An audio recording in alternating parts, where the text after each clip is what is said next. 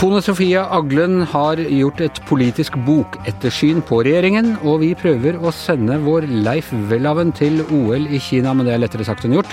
Dette er Giæver og gjengen. Det er eh, onsdag den 2. februar, og det er Groundhog Day, eh, Tone Sofie. Groundhog Dog Day? Groundhog Day. Du kjenner Groundhog Day? Eh, nei. Du gjør ikke det? Er det, er det pinlig? Blamerer jeg meg nå? Leif, kjenner du Groundhog Day? Altså, Jeg har fått med meg at det er en uh, film hvor det samme skjer om igjen og om igjen, men uh, kunnskapen stopper helt- omtrent der. Det er ikke bare én film. Det er altså i, For noen år siden så bestemte jeg meg for at Groundhog Day er verdens beste film. Den er enda bedre enn Gudfaren, og det koster litt å, å si. Tone Sofie, du har ikke sett den? Du har ikke hørt om den? Jeg har hørt navnet, men er, er Jeg er inviterer deg herved hjem til meg i kveld for å se på Groundhog Day. Ja, så hyggelig. Jeg håper den er bra. Ja, det skal jeg love deg Jeg håper det er. er en romantisk komedie. Det er det blant annet. Og en eksistensiell komedie. Og ja, den Og en berører musikkdokumentar. Uh, musikkdokumentar. Det er i hvert fall det er noe, det er noe Little Richard og noe og sånne ting der. Så den har noe for alle. Men da skal jeg ikke spoile mer. uh, for da skal vi se på, på Groundhog Day, og det vil jeg anbefale alle lyttere til å gjøre. Eh, last ned på et av de mange strømmetjenestene. Den lå på Netflix en stund, vet ikke om den er der nå. Men altså Groundhog Day med Bill Murray, verdens beste film. Er det noe mer å si i dag, egentlig? Hva? Jeg kan bare si det igjen og igjen. Jeg har faktisk levd denne dagen i flere år nå, så jeg vet alt som skal skje og alt som blir sagt. Ja, Tone Sofie, du har vært på Stortinget.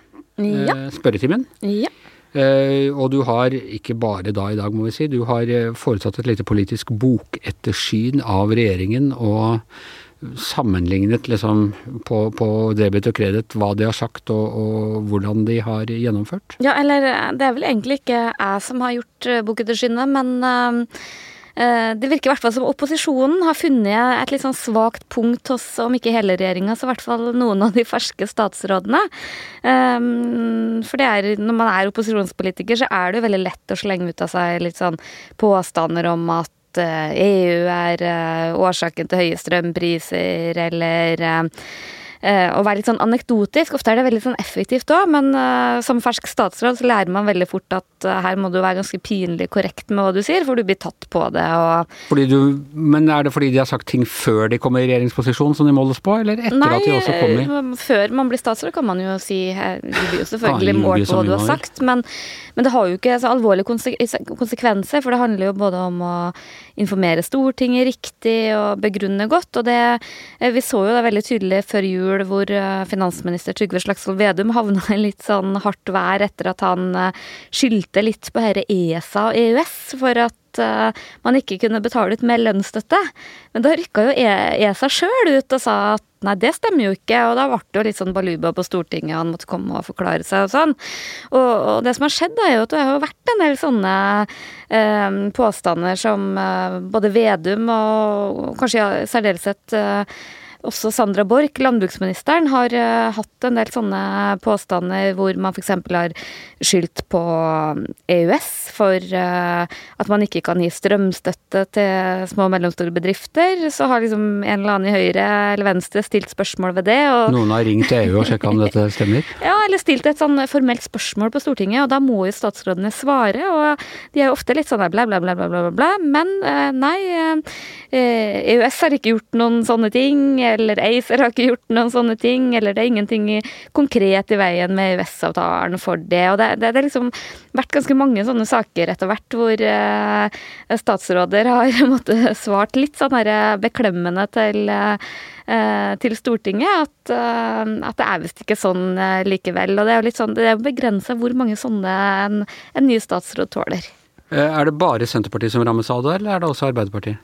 Ja, jeg vil si at de spørsmålene som jeg hvert fall har gått gjennom, virker i stor grad eh, henvendt til Senterparti-statsråder. Du hadde f.eks. det eh, utspillet som Trygve Slagsvold Vedum hadde på Dagsrevyen om at det kosta mer å bygge nytt fylkeshus på Viken enn det kosta å oppløse det her fylket. Det er jo Også ble det jo stilt spørsmål, og der svarer de jo rett og slett ikke i det hele tatt. Men faktisk har jo gjennomgått det regnestykket, og det, det stemmer jo ikke, for her er det jo salg og, og andre årsaker som gjør at det, at det, det regnestykket hans ikke stemmer. Men det, det er sånn Faktisk veldig er drevet av Soros og Microsoft og, og, og se mainstream Sikkert media noen for samle folk oppi uh, det, det, er liksom det ene eksempelet, men uh, det er særlig Vedum som har fått en del sånne spørsmål, og også Sandra Borch. Og, jeg ser også at Vestre har fått et spørsmål etter at han på Politisk kvarter i går sa at uh, denne regjeringa har fått til mer på 100 dager i regjering på havvind enn den forrige regjeringa har fått på 1000, eller 1000 dager i Eller hva nå formuleringa var. Og tvert så kom det et spørsmål fra en Høyre-representant om hva konkret har regjeringa gjort og det har jo ikke kommet svar på ennå, men uh, det er en ganske sånn effektiv måte å både få dokumentere at her har de liksom vært upresise, og, og også få fram at uh, det er lett å skylde på f.eks. EU og EØS og alt det der, uh, men ikke like lett å dokumentere i praksis at skylda ligger der. Men burde ikke altså Arbeiderpartiet og Senterpartiet ha vært like lenge ute av regjeringskontorene? Altså det, Senterpartiet, altså Arbeiderpartiet burde ikke være noe klokere og mer erfarne de enn Senterpartiet? Ja, de har jo noen av flere erfarne statsråder. Ja, det er litt det det går på. Men jeg tror nok det handler litt om stil òg, at eh, Senterpartiet i opposisjon har jo gjort det veldig sterkt som opposisjonsparti og vært ganske sånn høy og mørk, da. Eh, på ting som kanskje er vanskelig å dokumentere, litt mer sånn anekdotisk. Og det som var litt sånn tema i spørretimen i dag, hvor den nye justisminister Emilie Enger Mehl ble litt utfordra. Problemet på Stortinget er at politikerne er jo så elendige på å stille spørsmål.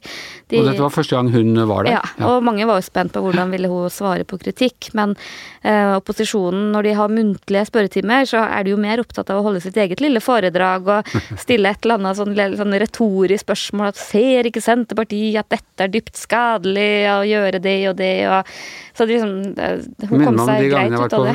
For mange år siden på filmfestivalen i Cannes, alle franske journalister på pressekonferansene, de stilte ikke spørsmål, de bare holdt sånne små foredrag om filmen for å ja, vise, vise, at de hadde forstå, vise regissøren at de hadde forstått den. Det er jo for så vidt en, en ganske velkjent praksis ved spørring at uh, man ofte er mer opptatt av å vise sin egen kunnskap. Av og til på pressekonferanser ja, at journalister hent. faller for den fristelsen. Det har hendt enn at man faktisk er nysgjerrig på, uh, på det. Men, men, det interessante tilbake til Enger Mehl, da, når hun la jo fram uh, høringsutkastet og brevet for å reversere den domstolsreformen, og det utkastet der ble jo allerede blitt påpekt at det er veldig tynt. Det er veldig sånn anekdotisk, hvor hun skriver at uh, flere har uttrykt frykt for, uh, eller noen har uttrykt bekymring for, uten at det i det hele tatt konkretiseres hvem har uttrykt denne frykten. Er det, er det noen konkrete fagmiljøer, er det, eller er det noen sent, i Senterparti-lokallaget som har sagt det, liksom?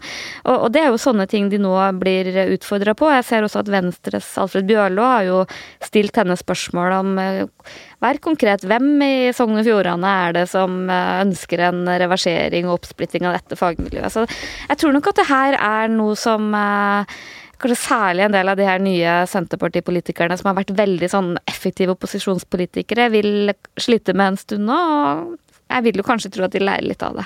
Men er det ikke også dette, nettopp denne dynamikken, som skaper sånne politikere som bare sier bla, bla etter hvert? Altså jeg tenker Gro Harlem Brundtland, da hun dukket opp som miljøvernminister, var hun kjent for å snakke mm. litt rett fra levra, hun var et friskt pust i forhold til alle de der gamle Ap-pampene og sånne ting. Og så ble hun tatt på en rekke ting. Så begynte hun å snakke sånn at mm. ingen skjønte helt hva det var hun sa. Ja, og, det der er en sånn eh, utfordring, for ofte så er det veldig sånn friske og litt spissformulerte politikere som Uh, når de blir statsråder, så blir de fort veldig sånn kjedelige og, og, holder seg til talepunktene. Men jeg mener jo at uh, man utmerket godt kan være en, en god retoriker, trygg på faget sitt, uten å være upresis. Og det er vel nettopp den kunsten som er eh, sånn vans... Eh, eller um, Men tar litt finjustering. Ja, for du, du, jeg, jeg tror, du, ser jo noen av statsrådene som er veldig faglig trygge. De kan jo være ganske Det, det merker du jo veldig godt på Emilie Enger Mehl, f.eks., som er veldig fersk. Hun er, nå er hun ekstremt forsiktig, hun sier ikke mer enn hun må. Veldig redd for å si noe feil. Mens en, Espen Barth Eide, da, som framstår for meg en veldig sånn trygg eh, statsråd som har vært lenge, kan feltet sitt. Virker ikke for meg veldig sånn redd for å si noe galt på samme måten. Og det er jo det, liksom, det å klare å finne den balansegangen, og, og kanskje særlig vite liksom eh, og det, og det må være presis, og ikke si noen ting som, som, ikke kan dokumenteres, da, for det er ganske skummelt for en statsråd, fordi det har så mye konsekvenser. Ja, og i hvert fall si det på en måte så at det ikke er at ja, du, at du et veldig sånn godt eksempel som uh, Sandra Borch igjen da ble tatt på, var et utspill i VG før uh, jul, hvor hun uh, var kritisk til den priskrigen på julemat og kålrot, som jo mange av oss jeg kan være helt enig med henne i. Og så sa hun litt med VG at hun um, mente at dagligvarebutikkene burde slutte med denne konkurransen og heller samarbeide om å få, eller, eh, få høyere priser, ikke sant. Og det er jo Jeg skjønner absolutt hva hun mener, men da kommer jo liksom tvert spørsmålet Mener eh, kartellvirksomhet? Ja, at man skal ha mindre konkurranse, og at dagligvarekjedene skal samarbeide. Og da kommer jo liksom det litt sånn forsmedelige svaret bare at konkurranse er sunt, og det er liksom Det er egentlig for mye sånn prissamarbeid mellom dagligvarekjedene, ikke sant. Så det er litt sånn eh, Det er en sånn greie du må etter hvert lære deg. Ja. Ja. Nei, uten å, bli, helst uten å bli kjedelig, da. Helst uten å bli kjedelig. Så det er mange utfordringer for ja, politikerne. Det, det, mangler ikke utfordringer for uh, politikerne, og det er jo ikke så lett uh, for Senterpartiet nå. Nå hagler det jo inn uh, den ene meningsmålinga etter den andre som viser at både SV og Rødt er jevnstore medier. Til å si det, De det er lett for, det er Rødt. De ja, er virkelig de med, medvind, og de kunne trenge litt sånn eh, bokettersyn, de også. Absolutt. Ellers så kan jeg jo fortelle at det, det så jo ut som at det ble spilt inn en Hollywood-film på Stortinget i dag.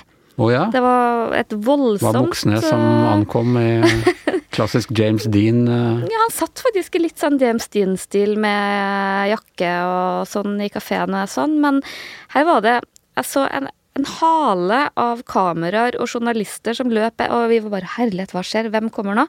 Og da var det Vedum som var innom Stortinget, og jeg tror dessverre ikke at det var dette bokettersynet journalistene var opptatt av, men en eller annen prøvde vel å få ut uh, hva som skjer på fredag, om landet får ny sentralbank. Yeah, for det er på fredag.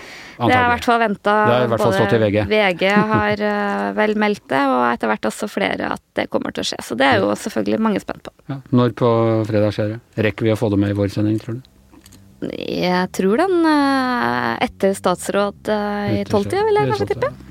Spennende, spennende, spennende. Ok, vi skal over på et annet uh, tema som ikke er så lett. Og det er, jeg må si, eh, Leif Welhaven, er det noe vi kan her i VG, så er det å rykke ut på store sportsarrangement. Det er vel få ting som har bygget opp denne avisa uh, så mye som sportsdekningen vår. Og i alle år, og lenge før jeg begynte i VG, så var det det å se hele det VG-apparatet i sving ved sånne sammenhenger. Det var ekstremt imponerende. Men i år så har du store problemer med å komme deg av gårde på OL. Ja, nei, uh, ingenting er som uh, det pleier, og dette koronaviruset det slår jo i alle mulige retninger. Og nå, etter nesten to år rett før man skulle av gårde, så uh, rammet også meg. Ja, og det var rett og slett det at du fikk korona? Ja, jeg ble, ble, smittet. Først ble barna mine smittet, og så hadde jeg en sånn liten illusjon om at hvis jeg bare gikk med sånn her kirurgisk tett munnbind, bortsett fra hjemme. når jeg sov hjemme, så skulle det skulle, Og solbriller? Så skulle, det, så skulle det gå bra, men det var jo selvfølgelig helt sjanseløst. Du ha drukket klor også, antagelig. men, men nå skal du av gårde?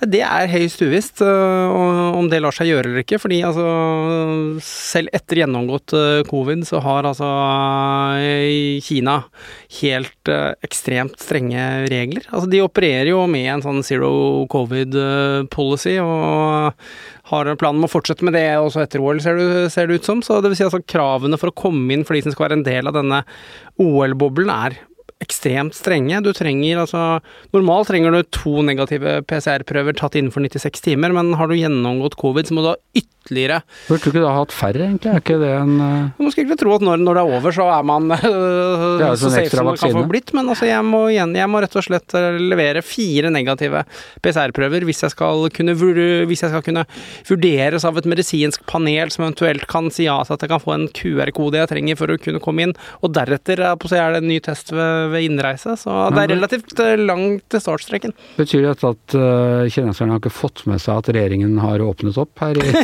Norge? ja, det, de som overvåker oss så nøye? Det kan vel dessverre se ut som de kanskje holdt på med noe annet da det var pressekonferanse her i Norge. Men, men, helt ærlig, Leif, har du lyst til å dra? Jeg mener, jeg ser på de der reportasjene om hvordan uh, hvordan uh, journalistene har det der nede. De sitter omtrent inne i hver sin lille plastboble og uh, desinfiserte plastboble og rapporterer.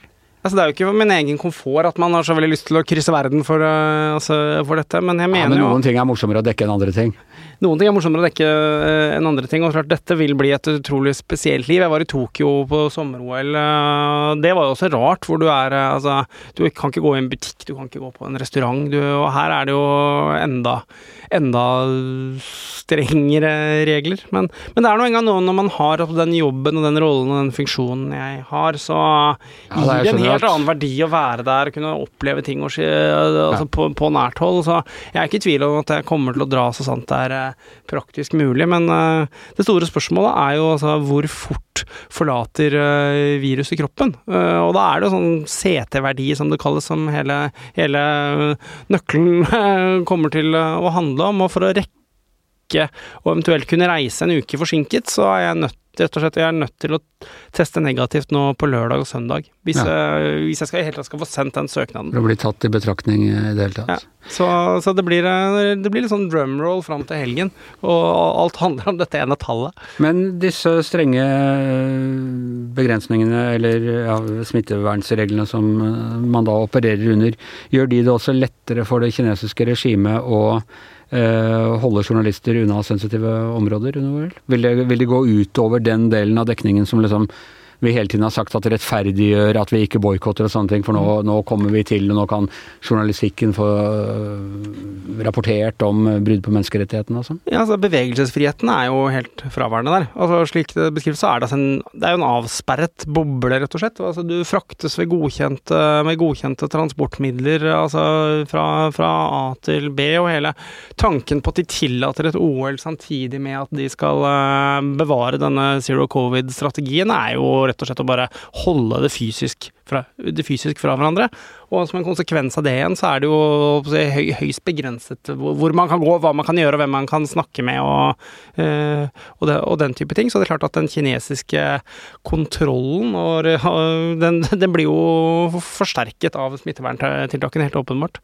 Og så har det vært et problem med sensur. Altså hva man Altså selv fra de små boblene, boblene man sitter i, hva man får sendt hjem. Ja, altså Det som jo er ytterst bekymringsfullt, det er jo at altså, i OL det er allerede liksom, diskusjoner om hvor ytringsfriheten til utøverne er under vanlige olympiske leker. Men altså her har det jo kommet en uh, relativt dårlig skjult trussel fra kinesisk hold om sanksjoner overfor utøvere dersom man uh, kommer med uttalelser i strid med den olympiske ånd, eller hva det nå var de kalte det, sånn, på, sånn uh, passe ullent. De tenker ikke på seg selv, de tenker på den olympiske ånd sånn globalt her. Tydeligvis. Men det har jo vært et, det har har jo vært et tema hvorvidt utøvere f.eks. kommer til å uttale seg om eh, menneskerettighetsspørsmål, som jo er et bakteppe her. Og jeg vil vel tro at den dårlig skjulte trusselen her sannsynligvis kommer til å være relativt effektiv. Så troen på at det blir noe skred av utøvere som, eh, som benytter uh, den oppmerksomheten OL er til å, komme med noe politiske budskap uh, hva gjelder ulike former for brudd på menneskerettigheter f.eks., det, det kommer ikke til å skje. Altså, du tror ikke det? Nei, det tror jeg Ja, Tror du ikke det er noen som bare vil gripe mikken når de har anledning, og rope 'fri uigurene' eller et eller annet sånt? ting? Sannsynligheten for at mange kommer til å ta sjansen på det, er forsvinnende liten. Så får vi nå se da, om det skulle være én altså eller annen. Men, øh, men jeg, jeg, vil vel tro at altså mange utøverne ville uansett bare vært opptatt av sportsboblen sin og, og, ikke så veldig mye annet. Men at det kunne vært øh, noen som, som i lys av den Et litt sånn Black Panther-moment fra 1968, liksom? Ja, nei, men jeg ville tro at kanskje man tenker seg i hvert fall om både én og to og tre ganger før man velger å gå, å å, å gå til det, det, det, skrittet akkurat nå, under de rådende omstendigheter. Hvor lenge vil journalistene klare å være kritiske hvis det virkelig blir ordentlig gullrush for Norge? Altså, jeg har vel en uh, tro på at det ikke kommer til å vare særlig lenge. Altså når dette er, er i gang og de første gullmedaljene begynner å komme, så vil jeg vel anta at det aller meste blir som det pleier å være når det er sommer-OL. Altså en litt sånn form for kollektiv selvdigging i et par ukers tid. Og at det samme kommer til å inntreffe igjen, er, er temmelig sannsynlig. Så vil det nok være et og annet kritisk blikk gjennom, gjennom OL som kommer til, som kommer til uh, å, å, være der, men uh, i all hovedsak så blir det feiring av norske gull, akkurat som før. Så du kan si at graden av kritikk vil være omvendt proporsjonal med, med graden av gull. Jo mer gull, jo mindre kritikk. Det er nok uh, grunn til å frykte at det blir sånn, uh, dessverre. Altså, Men ikke fra deg, Leif. Du skal holde fort deg den kritiske stemmen oppe. Jeg skal prøve å ha to tanker i hodet samtidig. Jeg skal uh, feire gull og glitter og utøvere som har stått på og prestert stort. Fortjener definitivt det positive søkelyset, men det er veldig viktig at vi ikke mister proporsjoner og dimensjoner her, og at, at samfunnsoppdragets del av, av sportsjournalistikken skal bevares også selv om Norge står over for seierspallen. Det det er vesentlig, og det er ekstra viktig under disse omstendighetene mulighetene. Så må jeg spørre som alle profesjonelle sportskastere gjør, hvor mange gull tar vi? Jeg tipper at uh, Norge tar uh, 15, 15, 15 gullmedaljer, og, og, at man ender kanskje på et sted midt på 30-tallet hva gjelder antall medaljer. Oi, oi, oi. After the gold rush. Det blir spennende. Vi Kan jeg stille dere et spørsmål? Ja. Hva foretrekker dere? Reise til eh, OL med Leif i Kina, eller reise med Bjørn Dæhlie til Sveits? det er egentlig en greie vi burde ha snakka om, det også. Det er en fantastisk nyhet. Eh, det er enda finere i Sveits enn i Bø i Vesterålen. Iallfall spennvidde i sine geografiske preferanser, den godeste Dæhlie. Det er jo ikke hav der, da. Jeg vil helst dra med Leif til Sveits. Kåre, er det en option? da ser mitt svar er filmkveld med Anders. Og det blir det i kveld. Ja. Og skal vi rekke det, så må vi avslutte Giæver og gjengen for i dag. Tusen takk til Tone Sofie Aglen. Tusen takk eh, til Leif Welhaven. Jeg heter Anders Giæver, og mannen som har gull i alle podkastdisipliner, er som vanlig produsent Magne Antonsen. Du har hørt en podkast fra VG. Ansvarlig redaktør, Gard Steiro.